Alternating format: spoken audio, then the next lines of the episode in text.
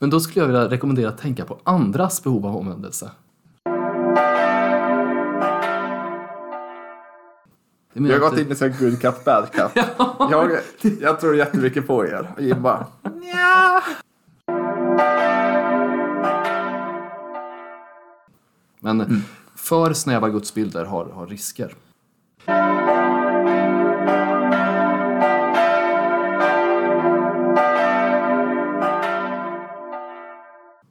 Du lyssnar på det 24 avsnittet av Lillhelgsmål. Här sitter Linus Forsberg. Det gör jag. Och eh, jag heter Jim Lagerlöf. Vi sitter i ditt kök, Linus. Och eh, det börjar lacka, som man säger, mot jul. Varför Jo. säger man så, tro? Är det lacken på paketen, tror du man har? Det, oj, det är en Jag vet faktiskt jättebra inte. fråga faktiskt. Ingen aning. Har det något med latin att göra? Nej. Eh, lak, lakto, nej, det är laktos. Det, Laktos, Ja. kanske. Lackmuspapper. Ja. ja. Här, snillen spekulerar kanske den här podden kommer heta. Men vet du vad jag tror? Nej. Jag tror att någon som lyssnar vet detta. Åh. Och, och den får jättegärna gå in i kommentarsfältet. Varför heter det att det lackar mot jul? Jag tycker det finns en rolig historia också att man säger Jag kommer inte ut. Julen står för dörren. Ja, det är lite kul. Jo, precis. Men det beror på vilken typ av humor man har. Jag tycker sånt är väldigt kul. Det fanns något meme-konto på sociala medier för några år sedan som just eh, bildsatte Jaha. olika uttryck eller ord. Och då var det just så, julen står för dörren. Och så hade de en bild på en dörr och så står det massa stora djur. Precis. Jag tycker det här kontot var jätteroligt. Apropå ord som man inte riktigt vet vad de betyder. Ja, det här med ordet jul just. Det är lite konstigt att det heter det. I många andra språk heter det ju, har det ju ingenting med, alltså då heter det ju alltså navidad eller liknande på spanska och, och portugisiska. Det handlar om födelse. Och eh, Christmas, Christmas. Christ. Ja, och på tyska tycker jag det vackraste för då heter det Weihnachten, alltså den vigda natten. Mm. Ehm, Men på, på svenska har vi då det här gamla hedniska, eventuellt ordet jul då, som, är, som man inte riktigt är säker på vad det betyder. Har det med att det är ett årsjul som passerar, eller är det jul som i gemenskap? Man sa att man drack jul eller att man åt jul och sådär. Ja, det får vi heller inte, och det tror jag kanske inte heller någon lyssnare kan bidra riktigt med. Nu, ja, det är inte det att jag misstror Nej. er, sluta inte lyssna nu utan... Det Vi har gått in i sån good cup, bad cup. jag, jag tror jättemycket på er. Jim bara, Ja, nej, men det är inte det, utan det är mer att jag, jag har läst mycket om det här med ordet jul, att det är många som in, att man liksom har, det finns teorier, det finns många teorier, men det, man brukar säga det att vi vet inte riktigt och det får man nog nästan landa i. Ehm, nu, vad, vad handlar den här podden om, tänker du som lyssnar? Det här, den ska handla om olika bibeltexter, evangelietexterna i Svenska kyrkan och i den katolska kyrkan. Det är en ekumeniskt, ett ekumeniskt projekt som jag och Linus eh, har och det här är alltså avsnitt 24. Men innan vi börjar prata om evangeliet då i till exempel Svenska kyrkan, där du eh, Linus har din hemvist, du, du är ju prästkandidat i Växjö stift precis. som ligger i Småland. Det kanske man har tänkt på att, att du också talar småländska. Ja, nej men verkligen. Och eh, Det bidrar ju i den här podden tycker jag. härligt. För att eh, visst tänker man att Småland, där finns det fortfarande många troende människor. Ja, ja men verkligen. Och eh, Småland är ju, inte minst i Jönköping, som jag ju ibland kallar för lilla bibelbältet. Ja, och ju, Sveriges Jerusalem och det här. Ja, precis. Ja, där är det ju väldigt ekumeniskt. Många, många olika samfund. Men också väldigt gott, gott, gott samarbete mellan dem. Utan att man så att säga suddar ut sina egna linjer. Utan det är verkligen så som jag vill att ekumeniken ska funka. Det vill säga att man har fortfarande sina egna dogmer. Men man lär fortfarande av varandra. Man inspireras av det bästa av varandra. Jag tänker på att du och jag bråkar ju väldigt lite i den här podden. Det var lite grann förra avsnittet när vi pratade om eh, adventsljusstaken där, men det, det hettade ändå inte riktigt till. Eh, Och jag tror att det kommer fortsätta vara så. Vi är väldigt, eh, det är alldeles för snällt här. Och det, det kommer nog inte förändras, tror jag inte. Nej, det jag skulle komma in på med att jag Ja. pratar småländska, Ja, det. det. är att jag har ju inte det här, många som tänker på småländska tänker på det här mer liksom söderns småländska, Mm. där vi hittar mer i Kalmar. Där det är liksom väldigt mycket så här. jag, jag kan inte riktigt, hal- Nej, jo, jag kan inte riktigt härma kalmaritiska. Eller mer typ koloska och Kristina. Mm, just det. Men man hittar några små saker i min dialekt. Men man måste också vara bekant med Jönköpingsmålet för att hitta det. Och det är att Ja. jag bland annat inte kan säga eh, ja, men jag gör om många K-ljud till CK. Jag kan inte Jaha. säga åkte, utan jag åkte. Oj, det har inte jag tänkt Jag alls. försökte inte, utan jag försökte. Men sen har jag också det då att jag tar bort vissa är. Som där jag tar bort Och jag försökte. Ja, det tycker jag är tydligare. Det här med, med R då som, som försvinner på något sätt. Ja. Ja, precis. Men det här CK-ljudet har jag mycket. Det blir åkte, inte åkte. Nej. Är man snåla i Småland skulle du säga? Nej, ja, det är faktiskt lite kul var det kommer ifrån. Jag har läst en teori, sen så skulle folk säkert säga att det finns andra också. Men det var någonstans, rätta mig inte på årtal men jag tror att det är någonstans 1500-1600-tal. Jaha. Där konungen ville få in skog från hela, från hela riket. Och då var det, någon, det var länge sedan jag läste på detta så att jag har tappat en del detaljer. Men jag har för mig att det var någonting att Småland hade mycket mer skog än många andra delar av riket. Jo. Och då gjorde man så att man skickade lika mycket skog som den som skickade näst mest, eller den som hade näst mest skickade. Men så behöll man också en del skog för sig själv och sålde ut i Europa. Och då Okej. så bidrog man, man, man, tog, man tyckte att man tog sitt ansvar till konungen. Men samtidigt så byggde man en väldigt stark ekonomi. För att man hade så mycket skog. Ja, precis. Ja. Men då tyckte ju folk att, ja, men, ja, men att man snålade liksom för att man inte gav all skog till konungen. Mm. Och därifrån sägs det att det har kommit uttrycket att smålänningar är snåla. Jag, jag har tappat en del detaljer, Ja, ja. men det, det är någonting spännande. med det här. Ja, första gången jag var i Småland, tror jag det var, i alla fall första gången i vuxen ålder, Mm. och besökte Kalmar och gick in på ett café. Alltså då, det tror jag det första någon sa där var då att de kommenterade priset på eh, bullarna. Mm. Att, att de liksom tyckte att det var dyrt. Och det var på den här Kalmar-dialekten då, som jag tyvärr inte kan hamna, men, han, härma. Men jag minns väldigt Vilka tydligt. dyra bullar. Ja, men, ja exakt. Att- Och det tänkte jag ju, yes, jag fick uppleva det här på riktigt, det här småländska, ursmåländska som jag tänker att det är. Då. Men du framstår ju inte som en snål person eller ogin, utan du är en generös människa. Vi sitter ju här i ditt kök till exempel. Så. Härligt. Vad har ni för planer att läsa på söndag i Svenska kyrkan? Jo, då är vi inne i, det är ju då tredje söndagen i advent. Vi har underrubriken Bana väg för Herren. Och vi är kvar i Matteus evangeliet. Vi läser Matteus 11, verserna 12 till 19. Och det är här Jesus ger sin bild av om både Johannes döparens och eh, hans egen roll i att få himmelriket att tränga fram. Och vi får också en beklagan över att folket inte riktigt förstår det här. Det är att vissa vill rycka åt sig himmelriket med våld. Jesus pratar också om att om när, vi, när Johannes döparen gjorde, när han sjöng sorgesång så sjöng ni inte med. Men när jag gör på ett annat sätt, då, då klagar ni på mig också. De är liksom aldrig nöjda Nej, på något precis. sätt, de som finns runt omkring. Nej, precis. Och det väcker ju såklart några frågor som jag tror är aktuella även i våran tid. Och det är lite hur bemöter vi de som tar plats men som inte har fått en, vad ska man säga, en officiell status. Det är klart att vi, vi reagerar inte på att men, du som är statsminister, du, du tar så här mycket plats för att det förväntar vi oss någonstans för att den har fått en titel.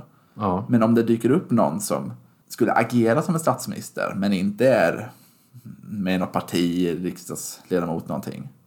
Då är det många som tycker att ja, men den, här, den här tar väldigt mycket plats och man reagerar kanske lite negativt. Så här. Man vill liksom rätta in det i ledet, sitta Ja. ner i båten. Ja. Mm. Och lite det känns det som att både Jesus och Johannes döparen utsätts för redan där och då. Ja, men folk vill liksom så här, men varför steppar ni fram? Varför säger ni de här sakerna? Det är ju en helt annan bibeltext som Jesus just får fråga så här, med vilket mandat Ja, ja, predikar visst. du det här? Man, vi tycker att mandatet är jätteviktigt. Ja, det är det ju också. Tycker jag också. Alltså jag tycker verkligen det. Men det är klart, man ska också försöka lyssna på... Det är det här med sak och person. Det pratar man ju jättemycket om nu för tiden. Alltså, vad säger du? Ibland hamnar det all, eller det hamnar jätteofta i skymundan utifrån vem är du? Vilken partiknapp har du på din kavaj? Eller vad... Är du man eller kvinna? Eller vad det nu än är som är att du, din åsikt spelar ingen roll för du tillhör den här gruppen. Eller din åsikt spelar, bara din åsikt spelar roll för du tillhör den gruppen. Nej men precis, eller ibland, mm, nu, nu har vi har några lyssnare som är med i partier kommer jag väl bli, bli stenad för det här. Förlorar vi dem? Jo, precis. Nej, Ja. Nej, men, ja, nej, men ibland så känns det också bland folk som är väldigt, väldigt lojala med sitt parti att om något, någon från ett annat parti uttrycker en åsikt så går man in och kritiserar. Ja. Men sen så fort ens egna parti börjar uttrycka den åsikten, ja men då har man, då har man alltid tyckt det här i princip. Och det, Så är det ju det verkligen. är rätt och man är, man är konstruktiv. Absolut. Ja, ja, visst. Så är det ju det tycker jag är det är det som är problemet med politik, tycker jag, eller partipolitik. Och det är lite det jag vill komma åt med här också. Att jag säger inte att mandat är oviktigt. Men någonstans är mandatet viktigare än vad som framförs. Ja, det är viktigt att fråga sig det. Och det här vi- visar ju också på en annan sak som också är... De senaste veckorna har vi kommit in på många av mina käpphästar. Jaha. Och här är en annan grej Nu jag blir det prat- spännande. pratat väldigt mycket om. Och det är att vi kan välja att aldrig bli nöjda. Utan vi kan bestämma oss att alltid gå i opposition mot det som sker. Och det är just det Jesus pekar på att ja, men, Johannes döparen gjorde på det ena sättet. Det dög inte. Men när jag kommer och gör på det sättet som ni ville att Johannes döparen skulle göra, då är det också fel. Ni, är emot allting. Mm. Ja, så är det ju verkligen i den här texten. Men det Jesus då också pekar på är att men har vi den här attityden, om vi aldrig väljer liksom att våga tro, om vi aldrig liksom ödmjukar oss, om vi aldrig liksom inser att men, här nu var det här liksom Guds ord som profeterades, då kommer det också bli väldigt, väldigt svårt att komma in i himmelriket. Eller väldigt svårt var kanske en mjuk omskrivning för att det går kanske inte. Och det är det som jag tänker, det som Jesus vill få fram till oss, och som jag tror är det vi behöver lära oss, och som Johannes döparen är ett fantastiskt exempel på. Det att vi ibland bara måste lära oss att överlåta oss. Att inse Ja. att nu händer någonting, eller till och med inse att jag förstår kanske inte riktigt vad det är som händer nu. Men jag litar på att, att det som händer är av godo, eller att det har en mening.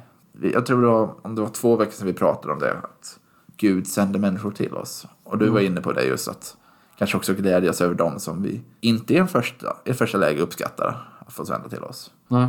Men att överlåta oss till det, att lägga våra liv i Guds händer. Även när vi inte förstår. Nej, men visst. Även när någonting skaver. Även när vi blir lite, lite provocerade. Jag tycker det handlar om urskiljning också. Jag vet inte om du håller med om det, men, men eh, man behöver lära sig, det tror jag alla människor behöver lära sig, och alla behöver öva på det, att urskilja. Överlåtelse kommer ju i ett läge där man tänker så här, det här fattar jag inte. Och så är det ju bara. Man fattar inte allt. Det är som Martin Luther säger, man lyfter på hatten och går vidare inför någonting man inte förstår. Men man slutar ändå inte, alltså man förstår ändå att, ja men i bottenplattan är ändå att Gud vet bättre eller någonting liknande. Ja, och då överlåter man sig. Men ehm, det är inte farligt att försöka lära sig mer, alltså att försöka lära sig urskiljning. Nej. Hur brukar Gud jobba i mitt liv? Att liksom försöka lägga märke till vad Gud gör. Och då kan man också, när man då hör ett budskap, då behöver man inte bara fundera på mandatet, utan då kan man också tänka, är det vettigt det här? Känner jag igen det här? Är det så här Gud brukar agera eller prata? Ja. Man behöver samla på sig lite grann en ryggsäck av erfarenheter för att kunna avgöra om någonting kommer från Gud eller om, man, om det inte gör det, så att säga. Och någonting jag tänker hör till med urskiljandet, det är för att det kanske lät i början som att jag sa att så här, vi ska inte kunna säga nej till saker. Det är klart vi ska kunna säga nej och säga, men det här, det här tror jag verkligen är fel, eller det här känns verkligen inte bra. Men vi får inte hamna i det läget att vi säger nej till allting. Nej. Att vi säger nej till liksom, hamna i ett läge där vi inte kan säga ja. Jag formulerade en princip i ett PM-grupparbete en gång. Som jag försöker också ha som allmän princip i mitt liv. Och det är att om vi säger nej till någonting i gruppen, då måste man samtidigt presentera någonting man säger ja till. Klagar man på någonting? Ja, det får man göra. Man får klaga. Absolut, man får säga nej, man får bromsa.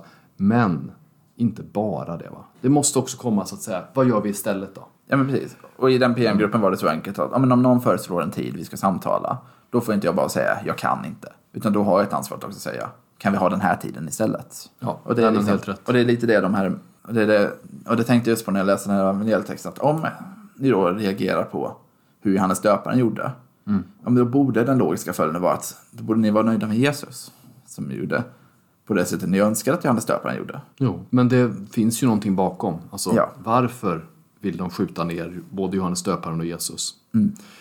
Eh, Det finns ju en anledning till det. Ja. Och det är ju att de hotar eh, etablissemanget. Och kanske också hotar våra föreställningar, våra idéer. Vem är Gud? Ja, våra gudsbilder va? Våra gudsbilder blir hotade. Så är det ju alltid. Och så får det där reagerar jag på ofta när någon vill säga Jesus skulle aldrig göra det här. Eller Jesus gör alltid så här. Och så hittar man ofta ett ställe i Bibeln där, nej men här gör han ju det som du säger att han aldrig skulle göra. Eller här säger han ju så. Så att försök aldrig att, att ha en gudsbild som stänger in Gud. För då blir det såklart alltid hotfullt när Gud gör på ett annat sätt. Ja. När Gud plötsligt kommer från vänster eller från höger eller från något annat perspektiv. För då, risken är ju att du säger sådär, det där är inte Gud. Det är inte Gud. Det finns ingenting som har med Gud att göra i det där. Ja, eller så är det din gudsbild Ja, precis. som inte stämmer. Det beror ju på. Där kanske det är lite förenklat i och för sig. Det beror ju lite grann på vilken gudsbild man har också. Men för snäva gudsbilder har, har risker. Nej men verkligen. Ja, nej, men jag, jag har varit inne på det lite. Så det jag tycker man ska leva det här evangeliet. Det är just att inte hamna i det här läget att man bara liksom säger nej, bara förkastar. Utan här, testa den här principen. Om varje gång du säger nej, säg ja till någonting annat. Och var Jo. tydlig med det. Det är bra. Erbjud, visa alltid på att så här, ja, men det här var det alternativet jag sökte. Säg inte bara nej. Och med det tänker jag att vi rör oss vidare. Eh, hos oss handlar det också om Johannes döparen, andra veckan i rad. Och eh, fortsätter i Lukas evangeliet kapitel 3. Där man märker att folket undrar om det är Johannes som är Messias. Ja, just det, det är den. Och frågan är ju, varför tror de det? Varför tror de att Johannes är Messias? Alltså det, är ju, det var ju det är ju också ett nästan historiskt belagt faktum att första gången som Jesus framträder i vuxen ålder så framträder han nästan som en lärjunge till Johannes. Det, det märks på vissa saker i evangelierna eh, att, att de har den där, folk undrar vilken relation har ni egentligen? Och som du var inne på tidigare, att det, i en, i, jag tror att det var förra, förra avsnittet när vi pratade om Johannes, att för Johannes är det glasklart att han är inte Messias. Han pekar vidare, han säger där är Guds lamm, säger han om Jesus. Och han säger någon ska anden stanna över och han har sett det själv att anden stannar över Jesus. Men precis, jag döper i vatten men han Precis. kommer komma som döper. Exakt. Och det, det där är ju liksom grundläggande att eh, för Johannes och för Jesus är relationen självklar. Jesus kommer för att döpas av Johannes. Men Johannes måste lägga till, nej men du, egentligen borde ju inte jag döpa dig. Och det där handlar antagligen om att för kyrkan att förklara att oj, när Jesus börjar framträda då han döper sig av Johannes och han finns i lärjungakretsen även om han sen kör ett eget race. Va? Mm. Så det är inte konstigt att människor tror att, att Johannes är Messias. Han är liksom den här all in-personen. Han lever ett fromt liv. Människor lägger märke till honom. Människor längtade också efter Messias. Va? Det är ungefär som att man brukar säga att eh, jantelagen hindrar svenskar från att leta efter helgon. Men i andra kulturer så vill vi se helgon. Vi längtar, vi ska jag inte säga för jag tillhör inte en annan kultur, men där, i andra kulturer kan det ibland vara så att man längtar efter att se helgon. Man tänker, kan det där vara ett helgon? Kan det där vara ett helgon?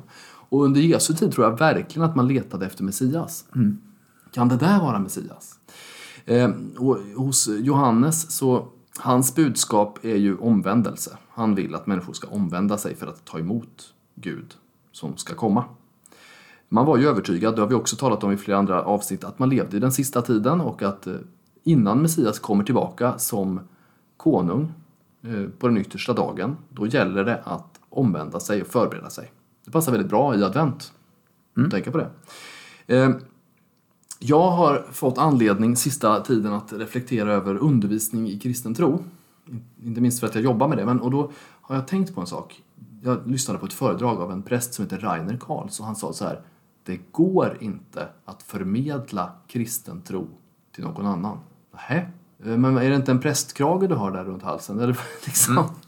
Och förra, förra veck- veckan så sa du eh, vårt upp, vår uppgift är att, så att säga, sprida evangeliet. Mm. Går inte det? Kan vi inte förmedla kristen tro? Ja, Rainer Karls menade att det är en skillnad mellan att förmedla kunskap om tro, vilket vi kan, det kan vi ju, det kan alla göra. Man kan liksom informera om det kristna trosinnehållet. Som protestant så tror man så här, som katolik tror man så här, ortodox, bla bla bla och så vidare. Men han menade att det som är tron, det vill säga tilliten eller relationen med Gud, den kan jag inte överföra från mig till dig. Utan det bygger på din egen vilja och din egen övertygelse och ditt eget steg som du tar utifrån vissa saker. Sen var jag och hälsade på hos kopterna i Södertälje och de har en utbildning för de som undervisar barn. Ah. Och då så pratade de om skillnaden mellan att förmedla kunskap, som de kallade för upplysning. Mm. handlar om att förmedla kunskap om tron. Men att förmedla själva tron, det kallade de för förvandling. Och då när, jag, när Johannes döparen pratar om att vi ska omvända oss och ge exempel på att ni som är soldater, så här ska ni göra, ni som är rika, ni ska göra så här och så vidare. Att eh, en sak är att säga ja, jag förstår vad du säger. Tack för att du informerar mig om trosinnehållet. Det andra är ju svaret. Det som visar om jag tror eller inte. Det vill säga min omvändelse, eller min vilja att omvända mig. Det finns ju en fantastisk berättelse när Jesus berättar om två bröder som har en pappa och pappan säger gå ut och arbeta i vingården. Då säger den ena brodern ja far, jag ska göra det. Men han gör inte det. Och den andra säger nej det ska jag inte göra. Men han gör det. Alltså vad vi säger, det är ju det stora i Jesu budskap så ofta. Ni säger en sak ni människor, men ni gör en annan. Och då är det inte så viktigt vad ni säger alltid. Även om det står i Romarbrevet att vad munnen bekänner och så vidare. Om du, om du med din mun bekänner så ska du vara frälst. Eh, Men Jesus komplicerar det där lite grann och hänvisar till att tro och liv faktiskt hör ihop. Eh, Och, och det, gör, det, det gör han väl för att han finns i samma tradition som Johannes döparen. För det här är ju Johannes, eh, hans uppdrag att säga det att ni behöver omvända er för att ta emot Jesus. Och Jesus, det är ju det första han själv säger också, omvänd er för himmelriket är nära. Och då tänker jag på vårt eget behov av omvändelse. Om vi ska bli lite konkreta, hur ska man leva det här? Ja, Vi har ett personligt behov av omvändelse. absolut. Eh, det orkar vi inte tänka på. Då blir man ju deppad, känns det som. Definitivt. Men då skulle jag vilja rekommendera att tänka på andras behov av omvändelse. jag tycker vi tar fasta på det. Ja. Alla andra behöver ju omvända sig, eller hur? Det, du har hela listan framför dig just nu, eller hur? Vad andra människor måste göra för att bli bättre. Det är ju så självklart för oss att tänka så. Alla andra måste förändras. Vad, hur ska vi göra med det här samhällsproblemet? Ja, alla andra måste ju skärpa sig.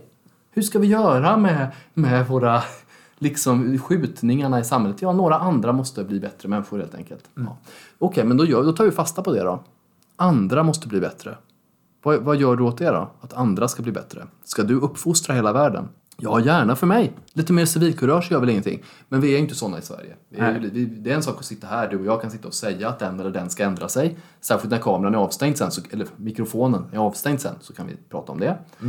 Men, men, eh, nej men då tänker jag så här. Det, det man kan göra då, om man, väl, om man ofta bryr sig om andra människors omvändelse, det är att be för dem. Så det skulle jag rekommendera den här veckan nu. Välj ut fem personer som du stör dig extra mycket på. Fem, det kanske är för lite, vad vet jag. Men ta de fem personer som du stör dig mest på och be lite extra för dem i veckan som kommer. Där har du någonting konkret att ägna dig åt för att göra världen lite, lite, lite, lite bättre. Jag, jag, kommer göra det, det ska jag säga. Okej, Ja. Ja, det börjar bli dags att avsluta, men jag ska besvara en fråga jag fått från några personer. Så nu blir det viktig information till allmänheten. Åh, Och jag har fått frågan om vi kommer ta någon julpaus från Lillesmål. Och Nej, det är svaret nej, det kommer nej, vi inte kommer göra. vi inte göra. Utan vi, vi fortsätter dyka upp i din poddspelare, var du nu än lyssnar på poddar. Fortsätt lyssna. Ja, precis. Vi kommer fortsätta dyka upp varje onsdag klockan 18. Lillördagen är räddad. Precis, även under julledigheten. Så är det. Så det var slut på Viktigt meddelande till allmänheten. Och med de orden kanske vi önskar var och en en trevlig helg. Mm. Ha en väldigt fin helg. Hej då!